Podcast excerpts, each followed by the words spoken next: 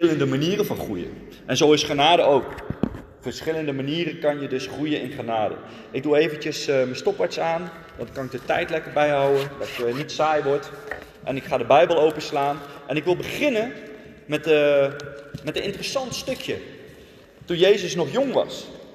Toen Jezus, uh, dat lezen we in Lucas 2, wat ik ga voorlezen. We lezen daar dat Jezus ook opgedragen werd. We weten allemaal dat Jezus de zoon van God is, maar hij is helemaal vlees geworden. Hij is helemaal mens geworden om voor jou en voor mij te sterven, alles te ondergaan. En dat hij het grootste geschenk kon geven aan ons allemaal, aan de mens. Dat is een redden van jouw ziel. Pure genade. Alleen dat al is, is daar is hij eigenlijk voor gekomen. Dat is de grootste genade die Jezus uitgoot. Die God eigenlijk uitgoot. Want Jezus was helemaal mens. En wat nou hè? Wat nou als hij gezondigd had? Dan was alles voor niets geweest. Wow. En daarom weten we dat hij nooit gezondigd heeft. Want door de zonde blijf je dood. Is de dood gekomen? Die was nooit bedacht door God. Dat heeft de mens op zichzelf afgeroepen. En God hield zelfs daar rekening mee. Met een heel groot iets, wat je je maar kan voorstellen. We weten allemaal, maar laten we dat eens nog een keer beseffen. Dat God zijn zoon stuurde voor jou. Hij ging alles door. Hij werd geboren als baby, had ook griep, had ook waterpokken en weet ik het allemaal. Hij ging alles doorheen, zodat hij mij, jou, de mens, de wereld beter ging begrijpen. En uiteindelijk zien wij ook dat Jezus werd opgedragen. Terug werd gegeven aan God door Jozef en, zijn moeder Maria. Hoewel hij al van God was. Hij was de zoon van God. Hij werd geboren door de kracht van de Heilige Geest. En toch onderging Jezus die proces. Alles. En we lezen dan iets heel bijzonders in Lucas 2, vers 40.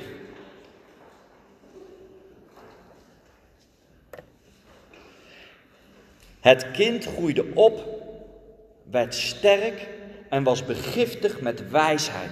Gods genade rust op hem. Gods genade rust op jou. Gods genade rustte op Jezus, omdat hij vol was van de Heilige Geest. Hij onderging alles, daar was hij nog maar een kind. Daarna gebeurde er van alles in zijn leven en hij groeide steeds meer in genade. Ik kan daar zoveel van leren, wij allemaal. We zien op een gegeven moment dat de eerste koning van Israël, Saul, begiftigd was. God was in de eerste instantie blij met hem. Hij staat vol lof daar. God zocht hem op bij de profeet om hem te kalmeren dat de ezels gevonden waren toen hij de ezels ging zoeken. En hij werd bevestigd daardoor Samuel. Dat hij uit de stem, stam Benjamin de koning zal worden van Israël. En Saul was toen nog nederig. Maar wat gebeurt er als we leven zonder genade. Dan gaan we voorwoorden van onszelf. Dan gaan we naar andere wijzen. Dan gaan we oordelen. En oh, wat vind ik mezelf perfect. Het overkomt ons allemaal. Mij zeker, helaas. Maar daarom wilt God mensen eigenlijk, hè, we hebben daar ook zo'n mooi lied van, Broken Vessels. Hij wilt je breken. En als je ziet, in de wereld, als je gebroken wordt, met de wereldse ogen, dan noem je jezelf een pechvogel. Je denkt, waar heb ik dit aan verdiend? Je krijgt zelf medelijden. Je krijgt precies dat wat de duivel jou, wat hij mij wilt aandoen. Maar de genade van God is het volgende. Dit is een gunst om jouw karakter aan te scherpen.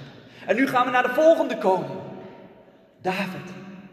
Werd er niet op David speren gegooid? Werd er niet op hem, noem maar op, jacht gemaakt letterlijk? Dat hij moest vluchten voor zijn leven. Hoe verdrietig zal David wel niet geweest zijn in dat moment? Alles behalve dat hij op dat moment zag dat er genade op zijn leven was. David, die was, was eerst gewoon een schaapsjongen. Hij was mooie liederen aan het zingen voor de schaapjes en noem het maar op. En ineens komt daar de profeet Samuel. En die zegt, jij zal de volgende koning worden. Tegen een knaapje van ongeveer 15. Olie giet hij over David heen. En David denkt, wow, God is met me, wat vet. Hij krijgt dus een profetisch woord. En we lezen ineens, zonder dat Saul weet dat Samuel zomaar naar Bethlehem is gegaan om David te zegenen, zien wij ineens dat Gods gunst zo groot is dat, of dat, dat, dat, dat Saul hoort van een goede muzikant die hem kan kalmeren. En uiteindelijk kende hij hem natuurlijk ook omdat hij die reus Goliath had verslagen. God gebruikt alles ten goede, maar daar wil ik het niet over hebben. Over de reuzen verslaan met ons oog. Ik wil het hebben over de genade van God. Over de reuzen verslaan in jezelf. Daar heb je veel meer aan dan wat het oog ziet. Het geestelijk leven. Het waarlijk leven. En dat wil Jezus ons leren. Dat wil de Heilige Geest in ons bewerkstelligen. En zo komt David dus in het paleis bij de koning. Omdat hij goed harp kan spelen. Omdat hij in dat moment is Sal zo misschien wel verbitterd geraakt, boos geworden, uh, vol van zichzelf. Noem het maar op, dat hij zich heeft bevuild. Ik weet het niet, maar het zou zomaar kunnen. Dat herkennen wij ook in ons leven. En daarom, door de genade van God, kunnen wij ook weer bij het kruis komen. Ons reinigen door het bloed van Jezus. Opnieuw vergeving vragen en weer opstaan. Want één ding staat vast, ook voor mijzelf. Ik zal vast nog duizend keer vallen. Want ik ben een mens. Maar ik mag weten dat God mij heeft gezien. Mij heeft aangeraakt en heeft geroepen. En dat geldt voor ons allemaal om te leven met een missie. Ik zeg het vaker, maar dat is echt zo. Je hebt straks, dankzij Jezus, want Hij is de enige weg naar de Vader, het eeuwig leven. En wat is dan het eeuwig leven tegenover dat miserig leventje die we hier hebben in het vlees? Weet je wel, we kunnen zoveel leren wanneer God jouw stuk maakt. In het leven van David zien we dat. Alles loopt volgens plan op dat moment, denk ik bij David. Hij wordt gezalfd, hij krijgt de profetie, hij komt ineens in het koningshuis. Maar ineens gebeuren daar dingen die David denk ik niet begrijpt. Dat hij, wel, dat hij op een gegeven moment zelfs gaat vluchten, want Saul begint jaloers te worden. Saul begint hem te haten. De mensen zien hem als de reuzen doden. Saul ziet hem als een reuze doden. Maar hij ziet het met zijn vlees. Hij wordt bang voor hem. Zoals het vlees hem dat wil laten voelen. Wat voor ons allemaal geldt in bepaalde situaties. En dan gebeuren er dingen. Want God ziet het hart in van jou en op dat moment van David, hoe hij hem kan kneden. Hoe hij hem tot een perfecte koning kan maken. En David moet leren om zijn andere wang toe te keren. Om niet te vluchten als dat lijkt voor mensen, maar om zichzelf te beschermen dat hij geen dingen doet. Dus kiezen om afgewezen te worden. Want daar koos hij uiteindelijk voor. Hij had die speer toch kunnen pakken en, en de koning dood kunnen gooien. Nou, dan was hij misschien opgehangen of zo. Maar hij kon trots zijn op zichzelf. Hè? Zo, zo in de wereld, weet je wel. Hè? Nou, dan maar uh, de straf, want ik heb het goed gedaan. Maar zo is God niet. Zo is Jezus niet. Zo werkt de Heilige Geest niet in jou. En dat zien we heel goed bij Davids verhaal. Ik ben in Israël geweest. En, en, en als je in Israël bent op een gegeven moment, dan vlakbij de Dode Zee heb je die grotten waar David onder andere heeft gescholen. En als je dat ziet, dan denk je echt van, poeh, dat is best spannend. En volgens mij in die tijd waren er misschien nog wel leeuwen in Israël. En andere enge predators. En David kiest er toch voor om weg te gaan, op gevaarlijke plekken te zitten. Mensen die zich verstoten voelden, noem het maar op, sloten zich aan bij David. Omdat David waarschijnlijk iets had gevonden wat wijsheid was. Maar niet de wijsheid van hemzelf, maar de wijsheid van God. Want we lezen verder ook in Davids leven dat hij niet zal doden toen hij dat kon. Wow, moet je voorstellen dat je iemand ziet, als je daarmee afrekent, dat jouw problemen voorbij zijn. En de problemen van andere mensen. Want jij hebt het goed. Jij zal het wel goed zien. En toch voelt David aan de woorden van God. De wijsheid woonde in hem of op hem. De, geest van God was, was op David op dat moment, ook al was het in het Oude Testament. David kon profiteren. Hij profiteerde al over Jezus in de psalmen. David was zo'n gezalfde. En dat is zo bijzonder, hè? want als wij over David praten, als de Bijbel het over David heeft, wilt hij jou en mij heilig jaloers maken. En waarom noem ik het heilig jaloers? Want jaloezie is niet goed. Maar dat wat God jou wil geven, is zo kostbaar, is vaak zo moeilijk omdat die geduchte tegenstander, de duivel, het duister, niet wil dat jij het krijgt. Dus hij gaat, hij gaat dingen zeggen die zo logisch lijken. Die zo wijs zijn voor de wereld. Maar daarom zegt God ook. Wat wijsheid voor de wereld is, is dwaas bij mij. En andersom. Je moet super intelligent zijn om een atoombom te maken. Maar hoe dom ben je eigenlijk om een atoombom te maken? Maar je kan het alleen maken als je zogenaamd heel wijs bent in de wereld. Dus God zal nooit een atoombom bijvoorbeeld maken. Hij zal je juist beschermen daartegen. Maar die atoombom woont in elk mens. Je kan ontploffen. En David stond voor een cruciaal moment. Luister hij naar zijn vlees, misschien wel naar de tegenstander. Is dit dan het plan van God? Als ik hem vermoord, dat ik het volk op die manier bevrijd en koning word? Misschien ging dat wel door zijn hoofd heen. Misschien herkennen we dat allemaal wel eens. Zal ik een leugentje doen of iets of wat? En misschien hebben we heel grote consequenties, want de Bijbel leert ons andere dingen. En David luistert naar God. De mensen zullen het wel niet begrijpen waarom hij David zal daar niet vermoorden. Maar David zegt iets heel bijzonders. Wat misschien niet begrepen werd door de mensen. Maar nu, vandaag de dag wel, aan ons geopenbaard is door de Heilige Geest. Is het geen gezalfde van God? Ik kan toch niet aan een gezalfde van God komen, zegt David. in het heel mooi uh, Kanaïtisch gesproken. En in normaal Nederlands zouden wij zeggen gewoon nu: dit kunnen we niet maken. Dit is ook een kind van God. Of dit kunnen we niet maken, want dit is een potentieel christen. Daarom is het belangrijk om het evangelie uit te dragen, helemaal als kerk. Want als mensen jou zien, hè, en jij kent ze misschien niet, is het misschien, en je doet wat verkeerd, weet je wat ze dan misschien wel zeggen?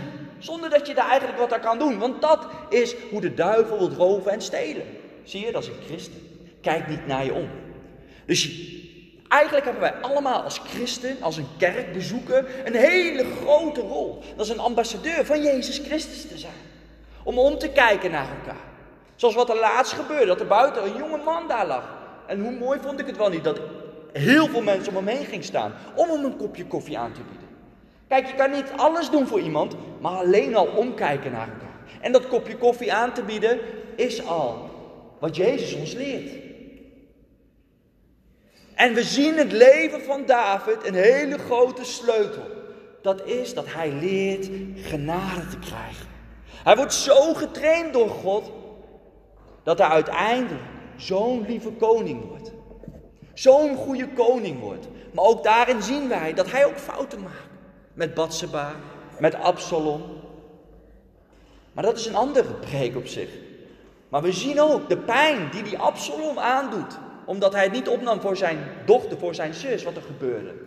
Dus het is zo belangrijk om ook niet wat goed lijkt te doen op je eigen manier. Of wat slecht lijkt op je eigen manier te doen. Soms kiest God om jou te gebruiken om de genade van Hem te laten zien. Misschien voor één keer en misschien wel voor een seizoen of langer. Johannes 4, vers 39 en 42. Dit was een stukje van David over de genade van God bij David. Maar wat dacht je, wat Jezus leerde op het moment dat hij bij de Samaritaanse vrouw was? Dat wil ik voorlezen. In Johannes 4.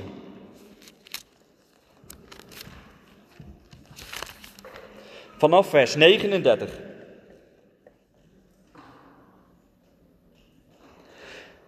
Ik lees niet de hele context, want anders duurt het te lang, maar bekend verhaal, de Samaritaanse vrouw. En een beetje een stukje geschiedenis voor mensen die het misschien niet weten, is dat het heel ongebruikelijk was in die tijd als iemand uit Israël, een Joods iemand, om te praten met iemand uit Samaria. Dat dus een Samaritaan is. Maar nog ongebruikelijker in die tijd was dat je met een vrouw ging praten. En misschien wel nog ongebruikelijker, een vrouw die helemaal alleen is. En jij als man alleen daar bent. En Jezus deed dat. Jezus vertelt haar het evangelie. Jezus vertelt haar dat hij de Messias is. Dat hij de beloofde zoon is eigenlijk. Want ze had het door. Door de profetie die hij uitsprak over haar. En door de woorden die hij had. Als je van mij water vraagt, zal je nooit meer dorst krijgen. Dat water bruist. Dat is levend water. Water wat lang stilstaat gaat stinken. Maar het water die wij zelf moeten vullen, dus we moeten zorgen dat we niet stil komen staan, is door uit te strekken naar God. Om dat stukje genade van Hem te durven zien. Zelfs David zegt ook in, in zijn psalmen, Heer, doorgrond mijn hart. Kijk of er niks slechts is en leid me anders weer op uw pad. Dat is een gebed. Die wij misschien soms denken, ja, die heb ik niet nodig, ik ben een goede christen. Maar toch staat het in de Bijbel. Toch zei koning David dit. Toch zegt God dit tegen jou en tegen mij. Om elke dag te kijken naar Jezus. Lijk ik op Jezus? Elke dag te luisteren naar Gods stem, naar Gods geest. Te kijken naar elkaar. Heer, waarom ontvang ik dit? Is dit van nu? Is het de indruk van mij? Want God heeft zo'n relatie ontwikkeld met de mensen.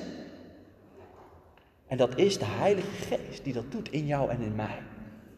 En die weg heeft Jezus vrijgemaakt voor jou en mij. Omdat God het risico nam om zijn zoon helemaal in het vlees op de wereld te sturen. Daarom alleen al. Deze drie zijn één, werken samen. Deze drie waren nodig, niet voor God, maar voor jou en voor mij. God kon het wel zonder de mens. Maar hij koos ervoor. Omdat hij liefde is, ons niet verloren te laten gaan. Hij koos ervoor. Ondanks de zonde in jou en mij woont. Omdat er gesnoep is van de boom van kennis van goed en kwaad. Om toch een tweede kans te geven. En daarom moeten wij weer gebroken vessels worden. Niet meer hoogmoedigheid hebben. Want de eerste zonde was notabene hè, van de duivel. Geen moord. Maar je hoogmoedigheid waaruit jaloezie ontstond. En uiteindelijk moord. We zien het in het leven van Kain en Abel. We zien het in het leven van vandaag. Maar we zien ook in levens van vandaag. Ik lees graag boeken. En dan lees ik soms ongelofelijke dingen. Mensen die tot de dood veroordeeld zijn. Die een boek schrijven. En echt tot geloof komen. En dan zie je dat alles oorzaak, gevolg, consequenties heeft. Want in de wereld krijgen ze vaak gewoon de doodstraf. Maar ze zijn wel gered voor eeuwig en altijd. De ziel is kostbaar. En wat zo iemand heeft gedaan, dat is niet niks, anders krijg je natuurlijk geen doodstraf. Die zitten daar terecht. Maar God kijkt om. God is genadevol. God kijkt anders dan naar jou en mij. Trap een hond één keer te vaak en hij bijt. En zo zijn er heel veel mensen hier op planeet Aarde die te vaak getrapt zijn. Maar er is één oplossing. En het is niet de politiek. Het is Jezus Christus, de Zoon van God.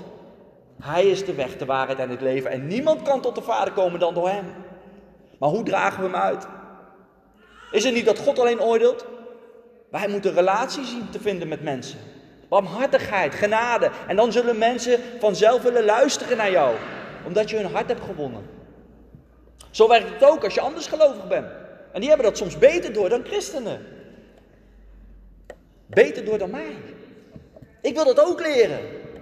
Ik wil genadevoller worden. Ik wil, ik wil misschien wel gebroken. Nou ja, het zou een dapper gebed zijn en ik spreek hem gewoon uit. En misschien ook een gebed straks voor jou. Ik wil gebroken worden zoals David. Om de genade echt te leren kennen. Om niet 30, niet 60, maar 100voudig vrucht te dragen. Want dat deed David. Maar daarvoor was er een training nodig die niemand wilde. David werd achterna gezeten door dieren, door mensen. Hij stonk. Hij moest slapen in koude grotten. Maar daar was waar God hem kon kapotmaken. Om hem nederigheid te leren. Om hem barmhartigheid te leren. Jezus deed dingen dat de zogenaamde kerk in die tijd, de fariseeërs en de synagogen niet begrepen. We lezen zelfs, ik dacht uit mijn hoofd zo in Johannes 7, de laatste verse, dat de fariseeën zelfs zeggen, ah, Jezus kan nooit de profeet, de Messias zijn. Want er is geen één fariseeën tot geloof gekomen. En dan lees je, en dan moet ik dan lachen, dan neemt Nicodemus, die stiekem naar Jezus was gegaan, wat je leest in Johannes 3 en 4, naar Jezus, waar Jezus tijd voor maakte, ondanks het in het donker was, ondanks de fariseeën was. Wat een genade van Jezus, dat hij dat deed voor Nicodemus. En notabene op dat moment was Nicodemus de enige fariseeën die het ook opnam voor Jezus. Op een hele slimme manier, volgens de wet. Hij deed het wel. En zo zie je maar hoe God werkt door genade heen. Door als je tijd maakt voor mensen. Nee, Jezus had ook kunnen zeggen tegen Nicodemus: Ik ga niet zo laat met jou afspreken. Je moet je maar gewoon laten zien aan mij overdag. Dat iedereen kan zien dat ik een farisee onderwijs geef. Kijk, oh, en misschien had hij wel nog meer mensen tot geloof gebracht, of zo. Want dat is menselijk. Voor de oog ziet dat er groot uit, mooi uit, trots. Kijk dan. Maar nee, Jezus deed alleen wat de Vader wil. En op dat moment zei de vader: Dit hoeft niemand te weten. Wil jij Nicodemus redden? En Jezus zei ja. Jezus offerde zijn slaap misschien wel op, offerde zijn vrije tijd op dat moment op, omdat er een ziel gered kon worden. En hij maakte tijd voor een fariseeën die later het opnam voor Jezus. En nu wat ik dus voor wil lezen met de barmhartige, of eh, met de Samaritaan, is ook zo gelijk, gelijk iets. Wat een genade, wat, wat kunnen wij veel leren van Jezus zonder dat we er soms bij stilstaan. Want als wij het evangelie lezen, dan staat daar zoveel. En je zal ontdekken voor de mensen die het nog niet ontdekt hebben, als je bezig bent met iets waar God bezig is in met jou, en je gaat evangelie lezen, en je gaat opletten hoe Jezus handelt, dan zie je ineens Rema woorden, wat wil zeggen, wat tot jou spreekt. Dan zie je ineens jezelf in situaties. Dat Jezus je letterlijk onderwijs geeft vanuit het schrift. Daarom, de Bijbel is iets zo krachtigs.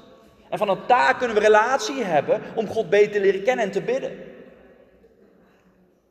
En we lezen in Johannes 4 vanaf vers 39 dan, als de Samaritaanse vrouw dus Jezus heeft gesproken bij die waterput. En Jezus had gezegd, als je van mij drinkt. En nou, ze geloofden het allemaal wel, want dan doet ze dit. Ze gaat naar de plek waar zij woont. En ze begint helemaal vol te zijn van Jezus. Wow, wat zal dat vet zijn hè? als wij ook met z'n allen helemaal vol zijn van Jezus. En dan hoef je niet het evangelie te vertellen tegen mensen. Maar dan kun je gewoon alleen maar vertellen tegen mensen. Wist je dat God van je houdt? Dat maakt veel meer indruk bij de ongelovigen. Een God die van mij houdt. En misschien krijg je wel een gesprek, maar misschien niet. Maar wie weet dat dat zo'n woord was dat zo iemand dacht, ja, daar was over nagedacht. En nu iemand op straat die zegt dat God, dat Jezus van mij houdt. Nou, weet je wat, ik ga maar naar een kerk. Of weet je wat, ik ga eens op YouTube kijken. Of weet ik wat er kan gebeuren door alleen maar als wij vurig, vol van die liefde zijn. Vol van die genade zijn. Niet van mijzelf, maar jezelf durft te vernederen om uit te dragen dat Jezus van je houdt. En dat deed hij bij die vrouw.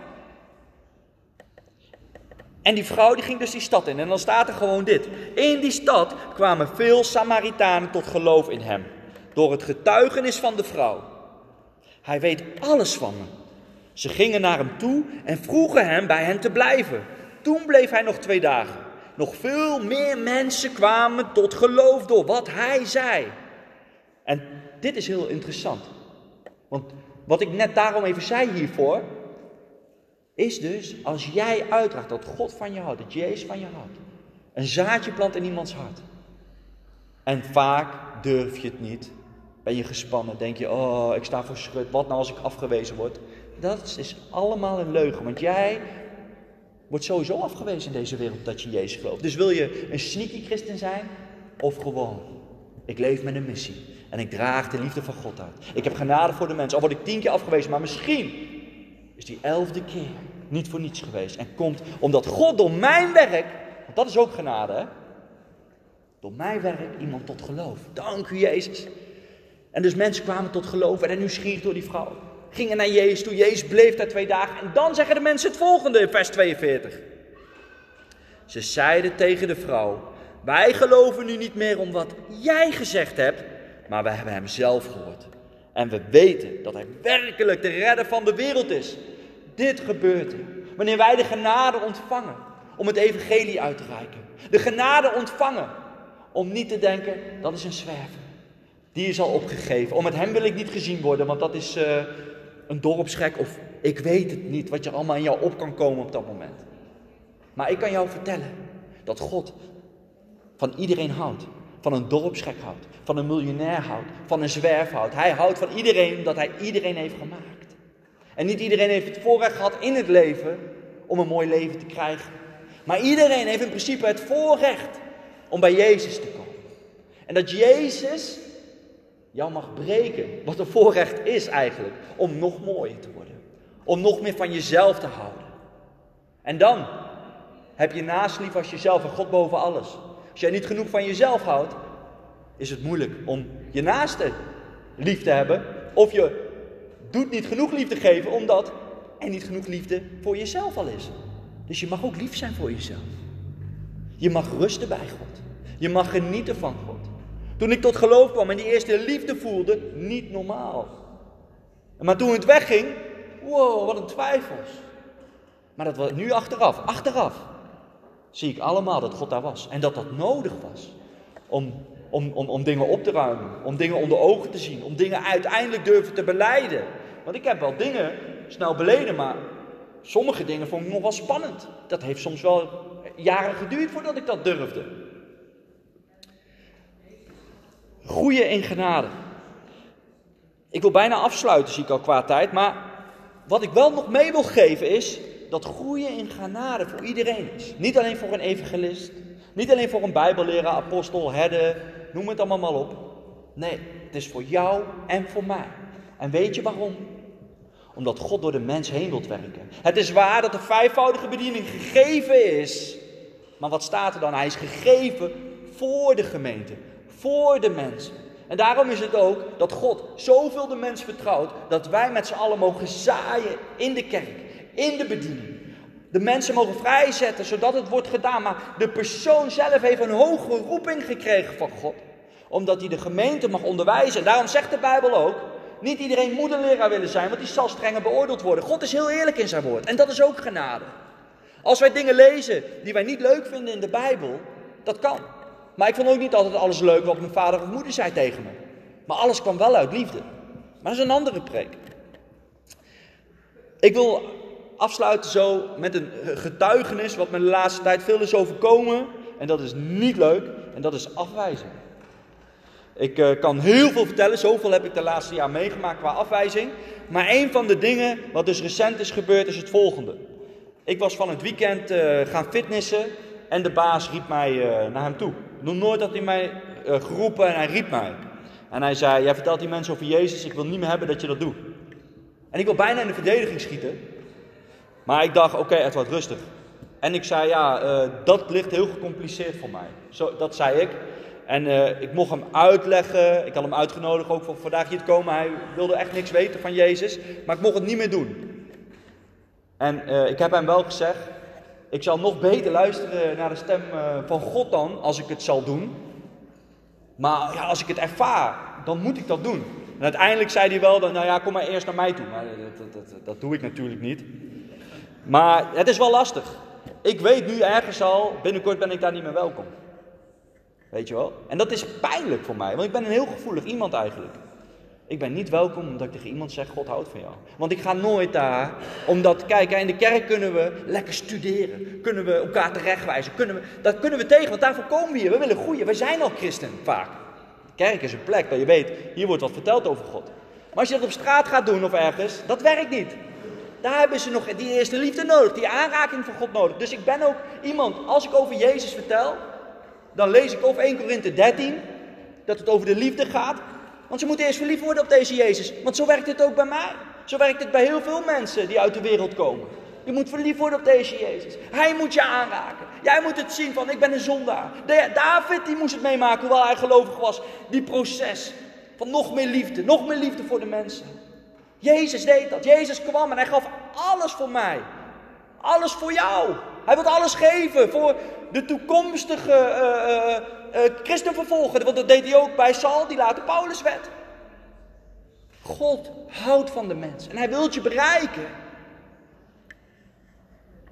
En dus ik vertel altijd alleen maar, God houdt van jou eigenlijk in de sportschool. Meer niet. En één keer heb ik ook meegemaakt dat ik dat zei tegen iemand. En die had een henny aan, ik mocht bidden. En nogmaals, hè, wonderen tekenen, ik geloof daarin, maar daar gaat het niet om. Het gaat om Jezus. Daar ben ik echt achter gekomen. Want voor je het weet, ga je alleen nog maar naar je favoriete spreker of spreekster. Voor je het weet, ga je alleen nog maar naar evenementen. En draait het niet meer om Jezus. En is het dus eigenlijk een secte. Want het moet altijd om Jezus draaien. Dus als ik iemand die ziek is, geloof ik het woord. Ik mag mijn hand op de zieke leggen. Maar God moet het doen. Gebeurt het niet, zal er niks gebeuren in mijn geloof. Niks. Want ik ben wel uitgestrekt. Hoe fijn is het dan niet dat iemand voor je bidt? Maar in ieder geval, die man die vertelt dat hij een hernia heeft. Ik bid voor hem in de sportschool gewoon. Gewoon kort. En een maand later zie ik hem en hij vertelt dat hij genezen is.